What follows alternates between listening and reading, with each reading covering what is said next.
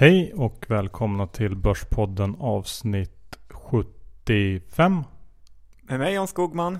Och mig Johan Isaksson. Du börjar nästan bli osäker på hur många avsnitt det är Johan. Ja, det är jättemånga så att, men 75 är det faktiskt idag. 75 veckor i sträck. Tack Avanza. Som har hängt med i princip alla veckor tror jag. Det har de gjort. Ja, men nu har vi också en sponsor som är med för första gången. Ja, och eh, det är väldigt kul att kunna presentera Nordens största bank. Det är Nordea som har hakat på det här framgångståget. I det här fallet var det lite tvärtom Johan. Det var faktiskt eh, vi som kontaktade dem. Och det är ju mycket för att eh, du är ju Dr. Bass. Stämmer bra. Och de har kommit på en helt fantastisk produkt faktiskt som heter Blanka. Eh, som innebär att du kan korta i princip alla bolag på OMX30. Ja. Och eh, i din ISK till och med. Precis, man kan göra det på ett väldigt enkelt sätt eh, utan några stora kostnader. Och som du säger i en ISK slippa lägga det här i en aktiedepå som man brukar få göra om man tar upp ett lån i vanliga fall för att blanka en aktie. Så att det är en väldigt bra produkt tycker jag. Om man är intresserad av att eh, gå kort en aktie eller kanske göra en sån här pair trade. Där man går kort en aktie och går lång en eh, annan. Ja, för det var lite så det började. Att eh, Sandvik kom med en jättebra rapport. Atlas Copco kom med en eh, dålig. Jag gick lång Sandvik, kort Atlas. Men när dagen stängde så var jag tvungen att eh, ta in mina Atlas för att man inte får ligga kort. Och då grämde jag mig lite dagen efter när senare Sandvik rusade upp och Atlas fortsatte ned. Mm. Så det här är ett väldigt intressant instrument och eh, med det fenomenala namnet Blanka. Precis, så det är bara att gå in och söka på Blanka så hittar ni de olika blanka produkter som erbjuds. Och eh, ja, som sagt, gå in och kika på det. Det är ett kul instrument och ingen hävstång eller något sånt i det här utan det är en rak som följer eh, aktien helt enkelt.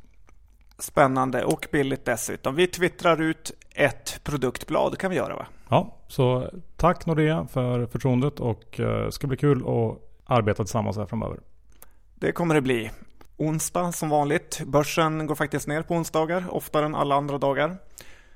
Och eh, vad ska vi prata om? Ja, det blir ju rapporter, börsens megahås. Eh, vi har gjort en intervju med Hexatronic och vi har även gjort en egen analys på den aktien. Så det blir eh, lite smått och gott kan man säga.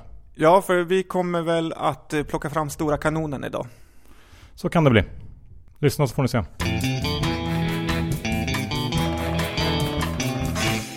Dr. Bass index i 1576 det eh, har varit en helt fantastisk eh, januari.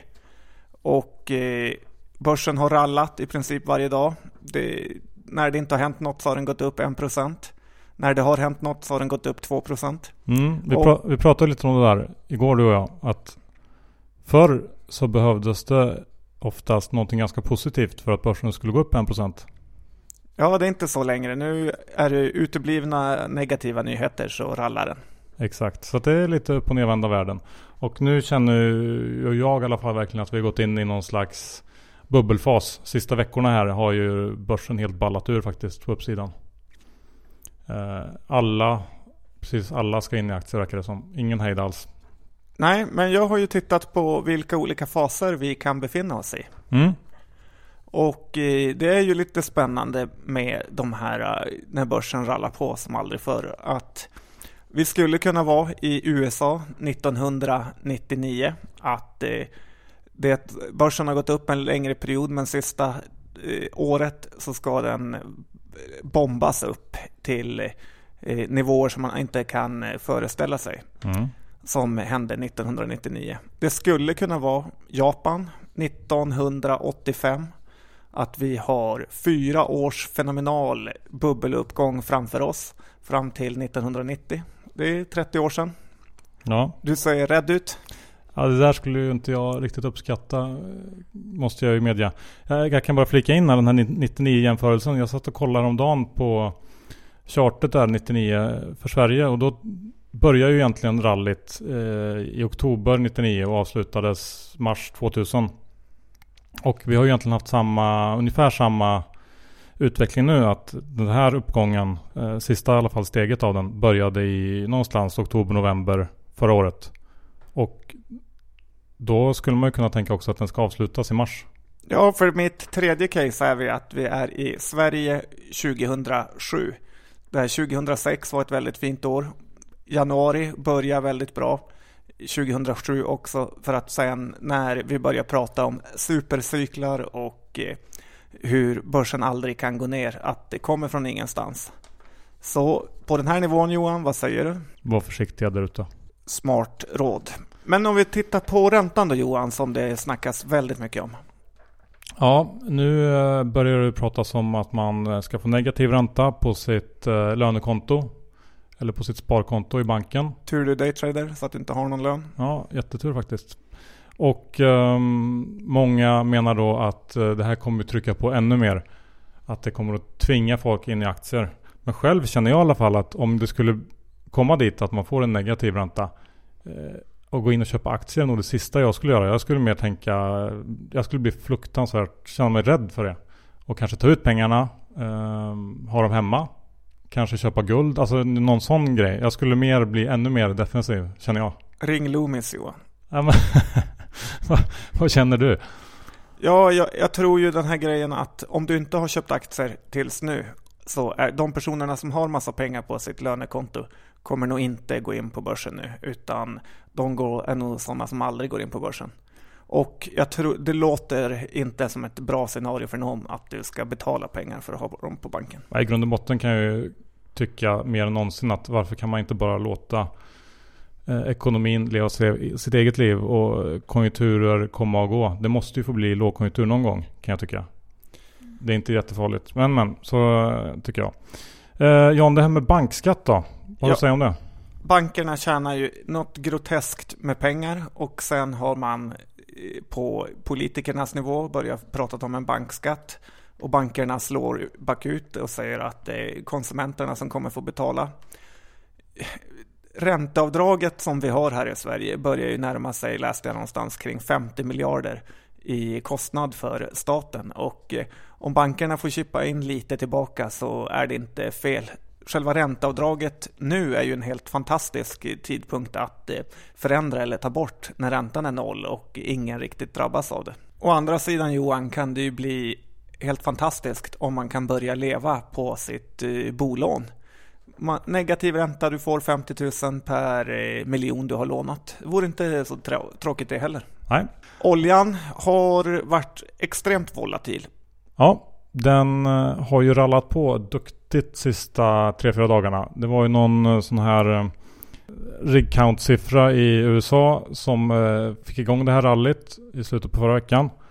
Och ja, marknaden tycker väl helt enkelt att tillräckligt mycket produktion har försvunnit och den här balansen mellan utbud och efterfrågan ska ha jämnats ut lite grann nu. Eh, vilket fick eh, oljan att sticka upp. Vad säger vi? Låter ju tveksamt att eh, man ska kunna sänka oljeproduktionen på några veckor bara. Ja, jag tror också att de här cyklerna nog är lite längre. Och att det här mer är att betrakta som någon slags eh, bear market rally. Faktiskt. Vi får se. Ja, så är det ju. Om vi tittar på svenska börsen så styrs den ju allt mer av eh, strecket. Vad är strecket Johan? Strecket ja. ja. Det är ju alla aktörer som vill eh, handla anonymt. Ja, och eh, de har en extremt stor andel av börsen. Ja, det är ju framförallt utländska firmor som handlar under strecket. Och som du säger, strecket styr ju hur börsen går ungefär. Kan man ju lite förenklat säga de flödena som kommer därifrån är så stora. Det har ju varit en liten av våra tradingtaktiker sista tiden att eh, försöka se vad strecket eh, gör. Eh, ni som handlar i vanlig, på vanliga hemsidan eller inte är så extremt insatta är det här kanske lite överkurs men det är väldigt bra att hålla koll på hur strecket handlar. Ja, och jag antar att det helt enkelt är stora, stora kapitalflöden, pensionsfonder och liknande som allokerar om och då kommer massor kapital Bland annat från USA till Sverige till exempel och Europa. Turerna kring SCA och eh, Jan Johansson fortsätter Jan? Ja, det har ju blivit en riktig härva. Som tur för honom kortsiktigt levererar SCA en väldigt eh, bra rapport. Ja, tror du att eh, det räcker för att rädda honom då? Nej, det tror jag faktiskt inte Johan. Att eh, sådana här härvor kan ju blåsa över. Men i det här är det för eh, att vdn åker på Formel 1, fotbolls-EM, fotbolls-VM, eh, jaktresor och så vidare. Det här håller inte. Personalen i SCAs moral kommer ju falla och jag tror ju styrelsen eh, kommer inse det här att det kommer ju vara omöjligt i framtiden att genomföra ett eh, sparpaket när vdn bränner 3 miljoner på ett eh, privatjet ner till Brasilien för att kolla fotboll. Så stekiga har de faktiskt inte blivit att de kommer undan med det här. Du Jan, jag sitter och läser en Expressen-artikel här. 10 drömbilar för under 50 000. Bland annat kan man få en Saab 9-3 Cab från 2002 gul. Oj då. Vad, vad säger du om det? Nej, men då är jag nästan glad att jag tradar bort 54 000 istället för att få den bilen. Ja, nej men man kan ju köpa mycket kul för, för de pengarna. Hur känns det egentligen när man förlorar mycket pengar? Det är en eh, blandning. Som nu börjar man ju bli lite rutinerad med att göra bort sig då och då. Det är skammen framförallt att ta stoppen på toppen som gör att eh, det känns eh, hemskt att plocka in Atlas på 55 kronor och du skypar glatt över att det var 20 öre från toppkursen. Det, man eh, mår ju lite eh, psykiskt dåligt av en sån grej.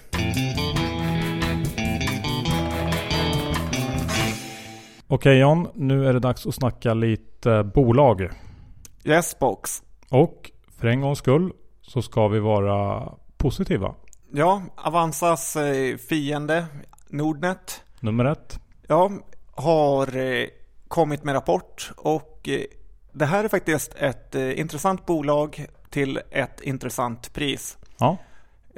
Den handlas kring 29 kronors lappen och tjänade närmare 1,60 för 2014. Då har vi P17.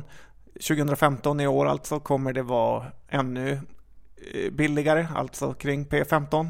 Något sånt ja. Delar ut en krona. Så det är en hyfsad direktavkastning. Och eh, som du säger, en fin vinsttillväxt. Och det är ganska svårt att hitta idag. Ja, det, de ligger ju helt rätt i tiden tillsammans med Avanza och jag såg att både Avanza och Nordnet hade rekordinflöden januari i år 2015. Väldigt massa avslut. Nordnet är ju dessutom i Finland, Norge och eh, Danmark också. Ja. Och det intressanta här är väl den stora värderingsskillnaden eh, Nordnet Avanza. Ja, och eh, Avanza har ju med rätt en högre värdering för det är ett eh, bättre bolag om man säger så i grunden och högre tillväxt. Men om man tittar lite internationellt som jag faktiskt var tvungen att göra så är Avanza inte makalöst eh, övervärderat. Eh, I USA finns det E-trade Mm. Och det finns ett bolag som heter Amertrade och även Charles Schwab, om man nu kan uttala det. Och de bolagen ligger kring P22, 28. Så att eh, den här sektorn är väldigt högt värderad. Ja, Nej, jag håller med. Så att uh, här finns det då ett läge att plocka upp en eftersläntrare kan man säga. Ja, det är helt rätt. Ja. Ska vi gå vidare? Uh, Saniona John. Mikrobolaget Saniona gör nyemission. Ledningen reser land och rike för att eh, ta in pengar. Eh, emissionen kommer förmodligen bli övertecknad. Jag eh, tycker det här är ett intressant bolag och vi har träffat dem också på sedermera-dagen. Just det. Men jag vill ändå höja ett varningens finger för att ha en ytterst liten del av din portfölj i ett sånt här bolag. Milestones-betalningarna kan upphöra. Eh, mycket av projekten kan gå fel och eh, då vänds det positiva snabbt till något extremt negativt. Du, sen har vi ju ett knippe bolag som har kommit med rapport och som ser uh, ja, ganska dyra ut va? Ja, det är ju så att eh, Arhus Karlshamn kom med rapport. Det är ju väldigt högt värderat. Eh, hade en volymtillväxt på 5% ändå har det ett P-tal långt över 20 Mm. Mm. Billerud gjorde, gör kartonger. Förut var det ett P9-bolag, nu är det P20 plus. på 2014 års vinster såklart. Ja. Alfa Laval också en lite halv speciell rapport och här har vi P20 plus. Ja. Loomis åker runt med kontanter. Man kan, börsen kan inte få nog av det här bolaget. Jag har fått nog för länge sedan. Ja, eh, absolut. Det är, man kan väl säga helt enkelt att det är höga värderingar just nu. Det är det. Och på tal om eh, höga värderingar så kom ju ditt eh, Eh, bolag kan vi säga, Itab med rapport här för någon timme sedan. Ja, Itab köper jag inte på den här nivån Johan. Det värderas ju som ett eh, absolut techbolag i typ Axis eh, och ska inte ligga med en värdering på 24 25 för eh, årets vinst som var. Så att det här ser jag som galet urballat. Ja, det är du mot många förvaltare där ute som verkligen älskar den här aktien. Ja, förvaltarkollektivet och jag har olika åsikter. Ja, Spännande att följa upp det där. Sen kan vi väl kanske avsluta rapportskörden med eh, MTG. MTG kom in lite bättre än förväntat, men Johan, det räckte verkligen inte. Nej, MTG har vi ju följt här i podden ganska nära under senaste året och uh, dels så guidar man ju uh, ganska negativt kring hur valutan påverkar uh, kostnaderna nästa år. och det tror jag var lite värre än vad många hade räknat med. Fast du har varnat för det. Ja, eh, precis. Konstigt va. Sen eh, är det ju så att utlänningarna gillar inte MTG. De gillar inte den här storyn. Och det har ju jag märkt flera gånger eftersom jag har varit på det här lite och varit lite positiv vid flera tillfällen. Och det har varit samma visa vid flera rapporter tidigare här. Att eh, rapporterna har kommit in bra. Man har tyckt att ja, den här aktien är nedpressad. Den borde kunna gå. Den öppnar upp ganska högt och sen säljs den på. Och Eh, så det har varit eh, faktiskt en, en eh, trade jag kör idag i kort MTG på morgonen. Vilket blev rätt. Och en av få grejer jag har gjort rätt den här rapportperioden ska jag tillägga. Eftersom den har varit, den har varit riktigt usel från min sida. Så att ehm, ja, man får vara nöjd med det man får. Ska vi nu ge oss in på en lite mer spännande sak? Vi kommer nu utfärda en av våra allra starkaste säljrekommendationer. Ja, vi har ju säljrekat Hexatronic någon gång i podden tidigare i år. Och eh, förra veckan träffade vi vice VDn Gert Nordin. Han fick eh, berätta om bolaget och svara på några av de frågor vi hade. Eh, vi kan väl göra så att vi låter intervjun rulla här och sen så kan vi sammanfatta vår syn på aktien efteråt. Ska vi göra så Jan? Låter som en fair deal.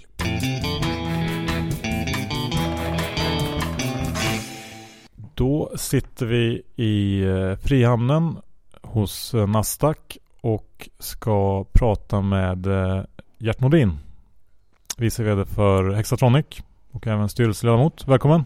Tackar, tackar! Vi kan väl börja med att du berättar lite kort om kanske dig själv först och om bolaget. Hexatronic startade 90, 1993 och höll på med utveckling och kommunikation 2000 så gick vi in på den fiberoptiska marknaden och utvecklade en hel del produkter för fiber till hemmet.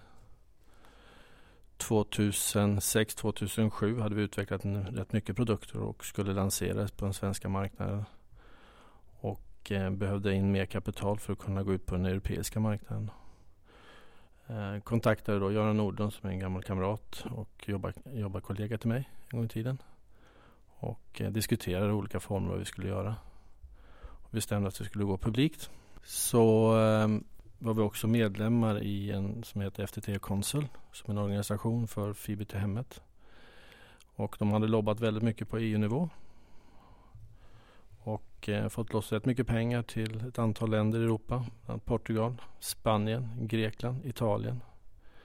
Eh, vi besökte de här länderna och jobbade ganska intensivt på att sälja våra produkter. Men eh, den de pengarna som EU hade betalat ut för infrastruktur användes till andra saker. Så vi vände hem 2009-2010 och eh, skruvade ordning vår portfölj lite annorlunda. Och under den här resan har vi också tittat hela tiden efter förvärv och inte lyckats förvärva. Och eh, 2012 blev vårt första förvärv och det var Memoteknik. 2013 så kom nästa förvärv och det var Blue Shift och det var på sommaren. Och 2013 i december kom förvärvet av Ericsson kabelfabrik i Hudiksvall. Och 2014 kom då Proximon in i vår företagsgrupp. Ja, hela resan börjar ju där kring 2012. Er aktiekurs stod i kring 1,50, 1,70 kanske och nu är den i 20-lappen. Vad är det som gör att ni har lyckats så fantastiskt bra med era förvärv? Jag tror att vi hade ett mål vad vi sökte för bolag och vi sökte entreprenörsledda företag som kunde komplettera vår produktportfölj. Och vi hade redan 2010 varit i kontakt med två stycken företag som var entreprenörsledda och passade in i vår företagsgrupp. Och det var Memoteknik och det var The Blue Shift. Eh, entreprenörsledda företag tar lite längre tid innan entreprenören är villig att sälja. Det ska sås ett frö och det ska ta ett tag innan det mognar. Men när det väl mognar och kommer till skott så blir det väldigt, väldigt bra. Eh, vi hade inte lyckats göra de här affärerna om vi inte hade gjort Memoteknik först och vi hade gjort TBS som är då lite Ericsson-personer i och vi kunde räkna hem Ericsson-affären. Så det ena har gett det andra under den här resan. Men ska vi gå in och prata lite om eh, det här stora förvärvet ni gjorde då i december 2013 när ni förvärvade Ericssons um, fabrik i, i Hudiksvall. Hur, hur gick den till egentligen och hur eh, beskriv lite turerna kring det där. På våren 2013 så satt vi och ritade kartan och tittade vad vi behövde ha för mer produkter i vårt portfölj för att kunna bli en heltäckande leverantör. Och vi saknade då kabel till vår portfölj. Och när vi sitter och ritar om vår karta och vad vi ska ha för någonting och tittar på intressenter så dyker det här upp den 21 maj. Eh, vi åker till Ericsson under juni månad och gör en presentation av vad vi ser, vad vi kan göra och, och, och hur vi kan hantera affären. Eh, Ericsson tyckte det var en jättebra presentation och vi var en av dem som var tänkbara förvärvskandidater. Då. Vilka tävlade ni mot? Det var före detta vdn i Hudiksvallfabriken då och en konstellation som han hade dragit ihop då. Och eh, de var ganska långt gångna i förhandlingarna. Och vad som stöps och vad som händer det vet vi inte riktigt utan vi, vi kämpade på och, och presenterade ytterligare eh, saker för Ericsson som kunde göra att de kunde bli attraherade av vårt bud och den tanken vi hade om fabriken. Och oktober månad så släpptes vi in på banan för att göra en DD-process och sen gick det väldigt fort. Men varför var ni så intresserade av den här då? För det var väl ändå en fabrik som Ericsson hade haft problem med ganska länge och velat bli av med. Krympande volymer och liksom lönsamhetsproblem. Jag tror att tittar man i branschen så totalt sett och, och tar man eh, våra Ericssons kollegor i branschen så har man de tidigare avyttrat sina kabelfabriker. Man har Siemens har ju avyttrat tidigare. Nokia avyttrade sin. Alcatel avyttrade sin fabrik ganska tidigt. Ericsson behöll sin kabelfabrik ganska länge och försökte sälja den. Eh, inte bara den här fabriken utan den dotterfabrik som ligger i Falun. Och det fick man sälja som ett paket. Och de här två fabrikerna tillsammans är för små för en stor spelare att köpa och för stora för en liten spelare att köpa. Och när man delade den fabriken i energidelen och sålde av den till NKT så var den optiska delen och eh, svagströmskabeln kvar. Och då tyckte man att den kan man då lägga ner. Men det finns ju då intressenter att kunna hantera den. Då. Men eftersom det här är en Ericsson-fabrik är ni inte väldigt eh, fast vid att Ericsson fortsätter köpa av er? Att det är nästan den enda kunden? Det finns inga commitment från Ericsson i avtalet med dem att de ska fortsätta handla. Men givetvis finns det eh, kopplingar mellan personer i Hudiksvall till Ericssons olika regionala kontor. Eh, man har ju under många år promotat i olika regionala delar i världen det här kabelsystemet, Ribbonet, Micronet, pratar väldigt mycket om blåsfiber. Och bara för att det byter ägare så är det väldigt svårt som säljare i de här regionerna att gå ut och säga att nu ska vi inte sälja det nu ska vi sälja något annat. Så vi får en hel del med oss i de här affärerna.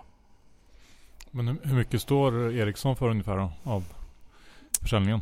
Ericsson idag står ungefär för 40 procent och då ska man vet att då säljer vi i olika världsdelar. Vi säljer i USA.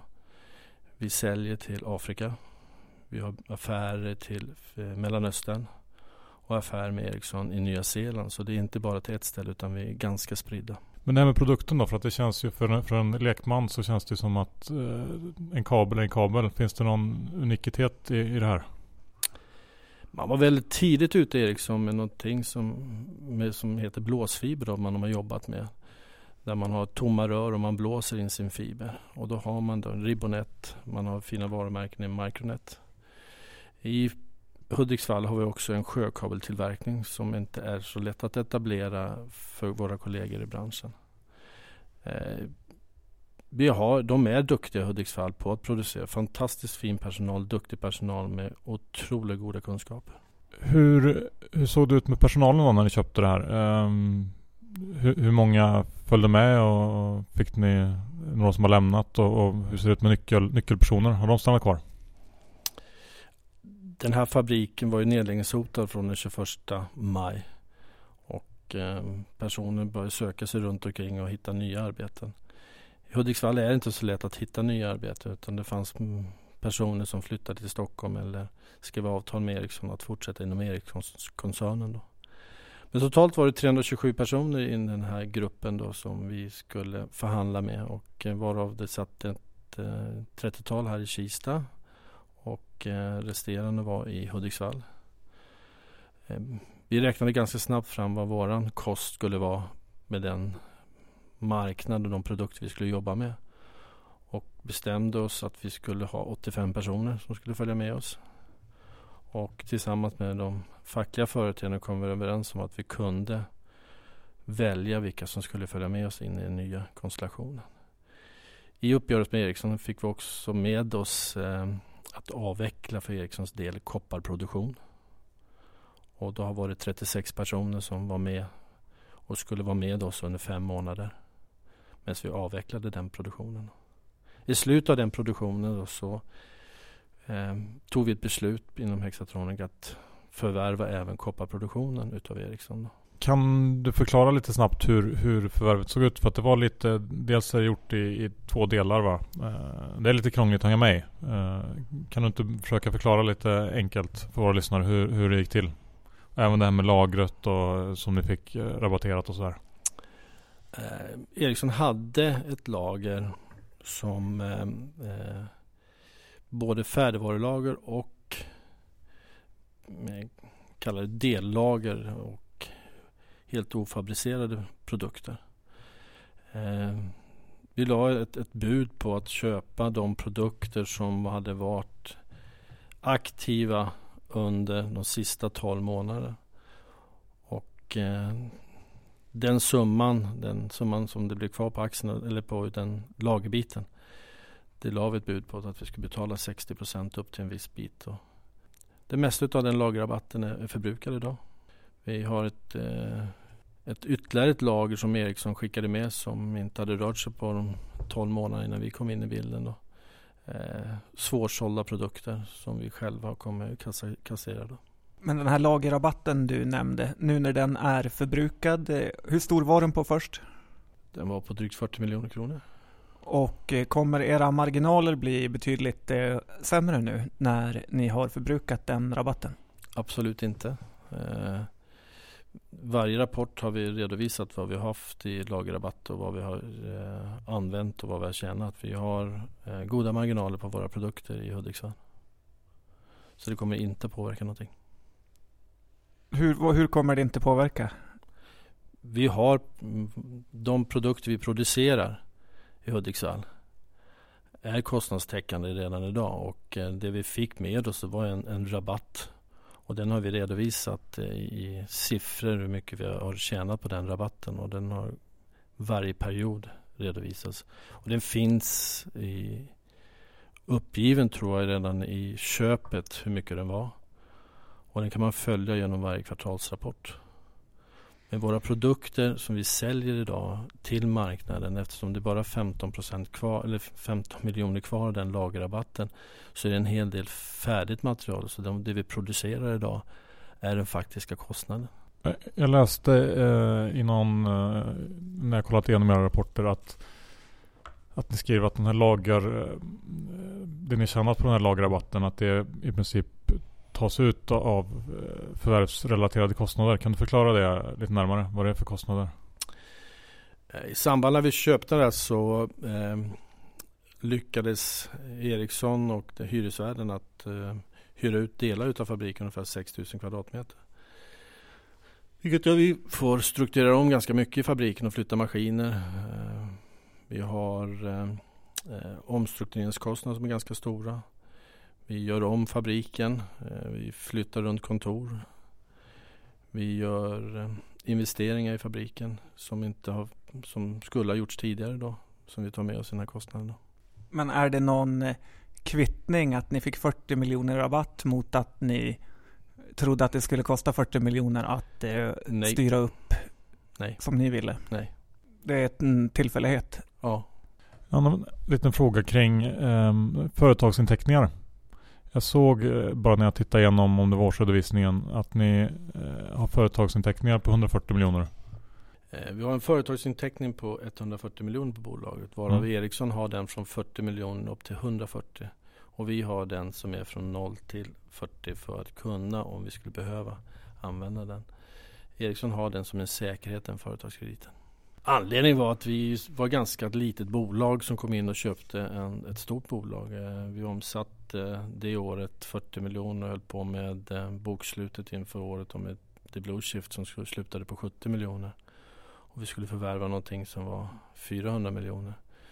Så att för Ericsson var det en trygghet att kunna ta den företagsinteckning hos oss då.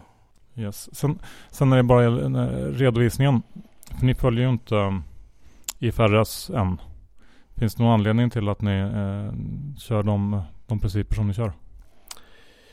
Vi har inte varit i behovet av IFRS tidigare att göra det. Vi var ett ganska litet bolag och, och eh, på de senaste ett och ett halvt åren har vi växt ganska kraftigt. Och den, vi tittar på att köra e IFRS nu och håller på att gå igenom den. Då.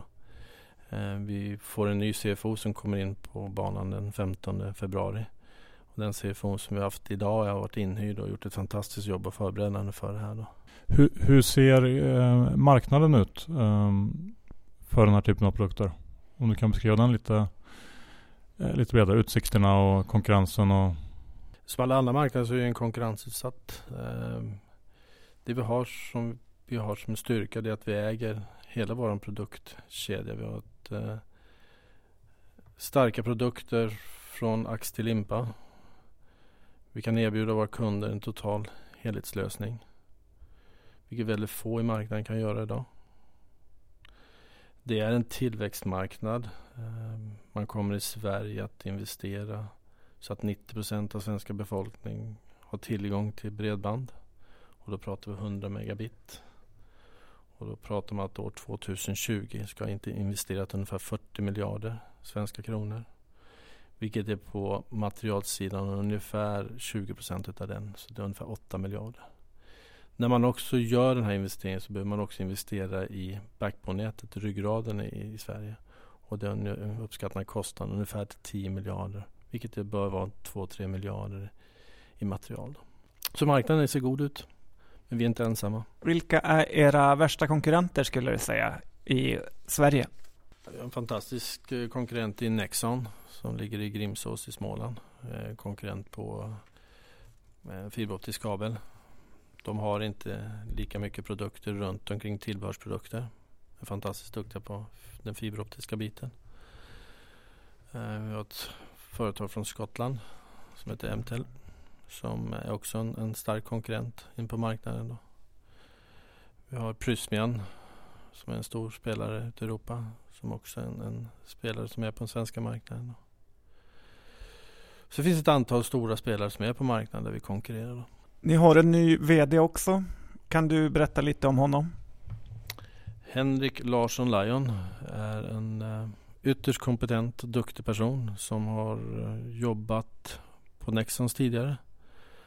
Eh, var ansvarig för svagströmssidan på Nexons. Gjorde ett fantastiskt jobb och vart plockad till Europakontoret i Paris. Och ansvarig för försäljningen ute i Europa på likvärdiga produkter. är från Göteborg. Längtade hem efter tre år. Hans fru är också från Göteborg. Och det passade väldigt bra in när vi förvärvade Ericssons kabelfabrik. Så var det en av sakerna vi letade efter. Det var en person som hade goda kunskaper från kabelfabrik. God ledningsförmåga och kunde styra vår koncern framåt. Kom i kontakt med Henrik och eh, lyckades få honom till vårt bolag och det är vi väldigt, väldigt, väldigt glada för. Jag såg på eh, i insiderregistret att eh, du har sålt lite aktier till honom om jag förstod det rätt. Så nu är han delägare också.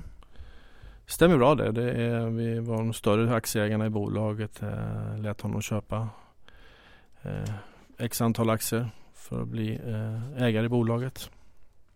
Vilket är också positivt. Att tro på bolaget. Hur ser du på ditt eget ägande? Om man tittar i listorna, har du sålt eh, lite?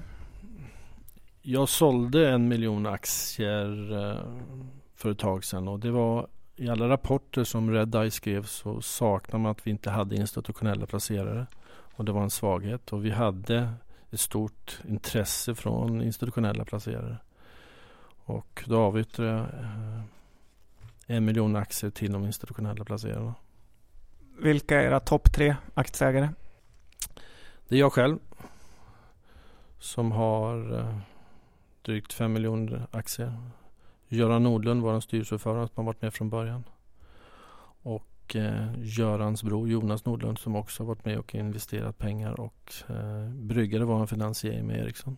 Gert, vad säger du om Hexatronics framtid och vad ska aktieägarna i Hexatronic eh, förvänta sig? De ska nog förvänta sig ett bolag i tillväxt. Vi ska följa uppsatta finansiella mål 10, 20, 30 vilket är ebitda 10. Vi ska växa varje år med 20 procent. Och vi ska ha minst en soliditet på 30. Det är våra finansiella mål och de ska vi följa. Och det är vad vi minst ska göra. Ja, då tackar vi för att du tog dig tid att träffa Börspodden och alla dess lyssnare. Tack så mycket själva. Tack för det Gert. Men Johan, du ska ge några ytterligare kommentarer på det här. Bolaget själva har ju gång på gång berättat om eh, vilken succé förra året var. Alltså året när man tog över fabriken i Hudiksvall. Omsättning kring en halv miljard och ett ebitda-resultat på 60 miljoner eh, basunerar man ut. Men efter att ha tittat lite närmare på redovisningen så är vi lite tveksamma till eh, det här. Ja, det kan man lugnt eh, säga. Enligt oss så beror resultatet framförallt på att Hexatronic har sålt vidare det här lagret som ingick när man köpte fabriken från Ericsson till ett mycket högre pris än vad man betalar för det. Alltså den här rabatten som vi eh, refererar till i intervjun.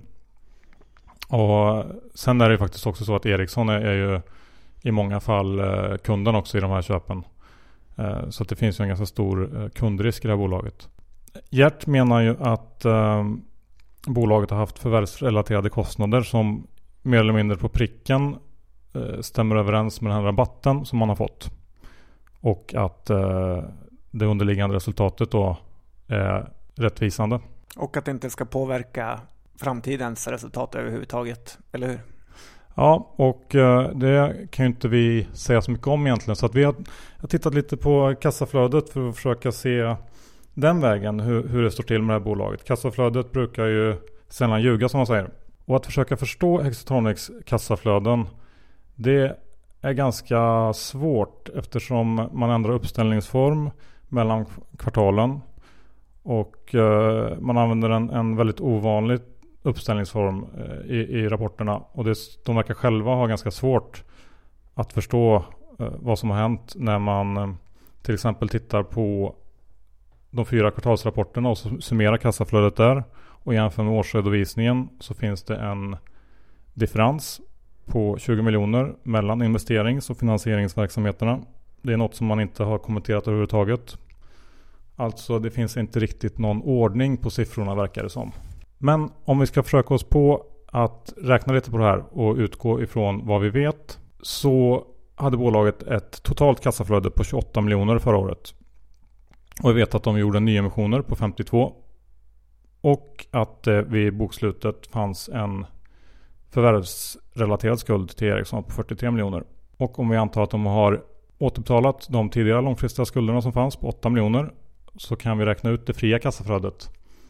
Som alltså då skulle vara 28 plus 8 minus 52 i nyemissioner och minus 43 som var skulden till Ericsson. Och då blir det fria kassaflödet minus 59 miljoner. Och att det fria kassaflödet skulle vara negativt eh, behöver i sig inte vara jättekonstigt i ett företag som investerar kraftigt.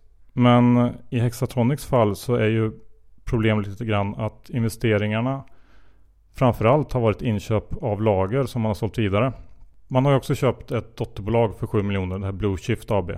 Så om vi tar bort de 7 miljonerna så är det fortfarande minus 52 miljoner. Eh, alltså lika mycket som man eh, betalar för förvärvet från Ericsson. Vi får alltså en, ett fritt kassaflöde på 52 miljoner minus när vi räknar på det. Trots att bolaget då har köpt in ett lager för 50 miljoner från Ericsson som man har sålt vidare för ungefär dubbla priset. Man kan kanske invända att eh, den här typen av affär som bolaget har gjort där man bara köpt lager, att det binder väldigt mycket rörelsekapital i framförallt eh, kundfordringar. Men eh, för att ta hänsyn till det så kan, har vi även tittat på Q1 här John. Och Hexatronic har ju ett eh, lite ovanligt räkenskapsår. Så Q1 innebär 1 september till 31 november. Och det här är ju då en period som inte innehåller några röda dagar alls och alltså borde vara ganska bra, eller väldigt bra, för den här typen av verksamhet. Och det intressanta i Q1 är att bolaget når sin, eh, sitt mål, sin ebitda marginalmål på 10% på pricken. Eh, vilket ju är bra, men det beror på att man har löst upp avsättningar. Och man har sålt ytterligare lager, eh, alltså rabatterat lager. Så exkluderat de här två delarna så hade de inte ens nått halva vägen på det här målet. Dessutom så är kassaflödet bara 5 miljoner under det här kvartalet som egentligen borde vara kanske det starkaste kvartalet.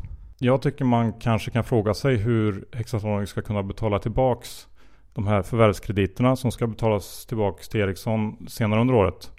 När man inte lyckas generera positiva kassaflöden ens under den starkaste perioden. En liten, liten sista eh, varning är ju också att det senaste förvärvet som man köpte för över 50 miljoner under Q1 inte finns med i kassaflödesanalysen. Ja Johan, då kanske vi ska ta och eh, sammanfatta vår röda flagg säljrekommendation på Hexatronic. Ja, vi får göra det John. 1. Det här är alltså en aktie som har gått 10 gånger ungefär på något års sikt på att man har köpt en fabrik från Ericsson som eh, tidigare egentligen har varit eh, ja, värdelös för Ericsson. Ericsson har ju tagit kostnader på 500 miljoner för att eh, ja, bli av med den här egentligen. Och man kan ju undra lite vad Hexatronic gör så mycket bättre än Ericsson. Nummer två är ju att det är helt omöjligt att följa redovisningen i det här bolaget. Det finns stora luckor där.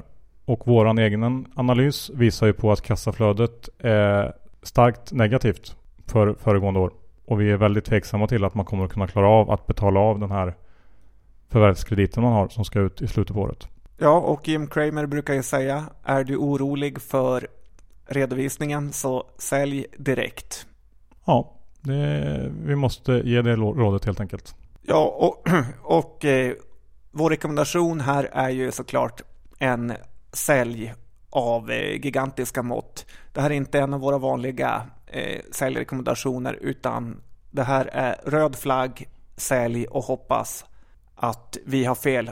För har vi inte det så är det här bolaget inte värt i närheten av vad det är värt just nu.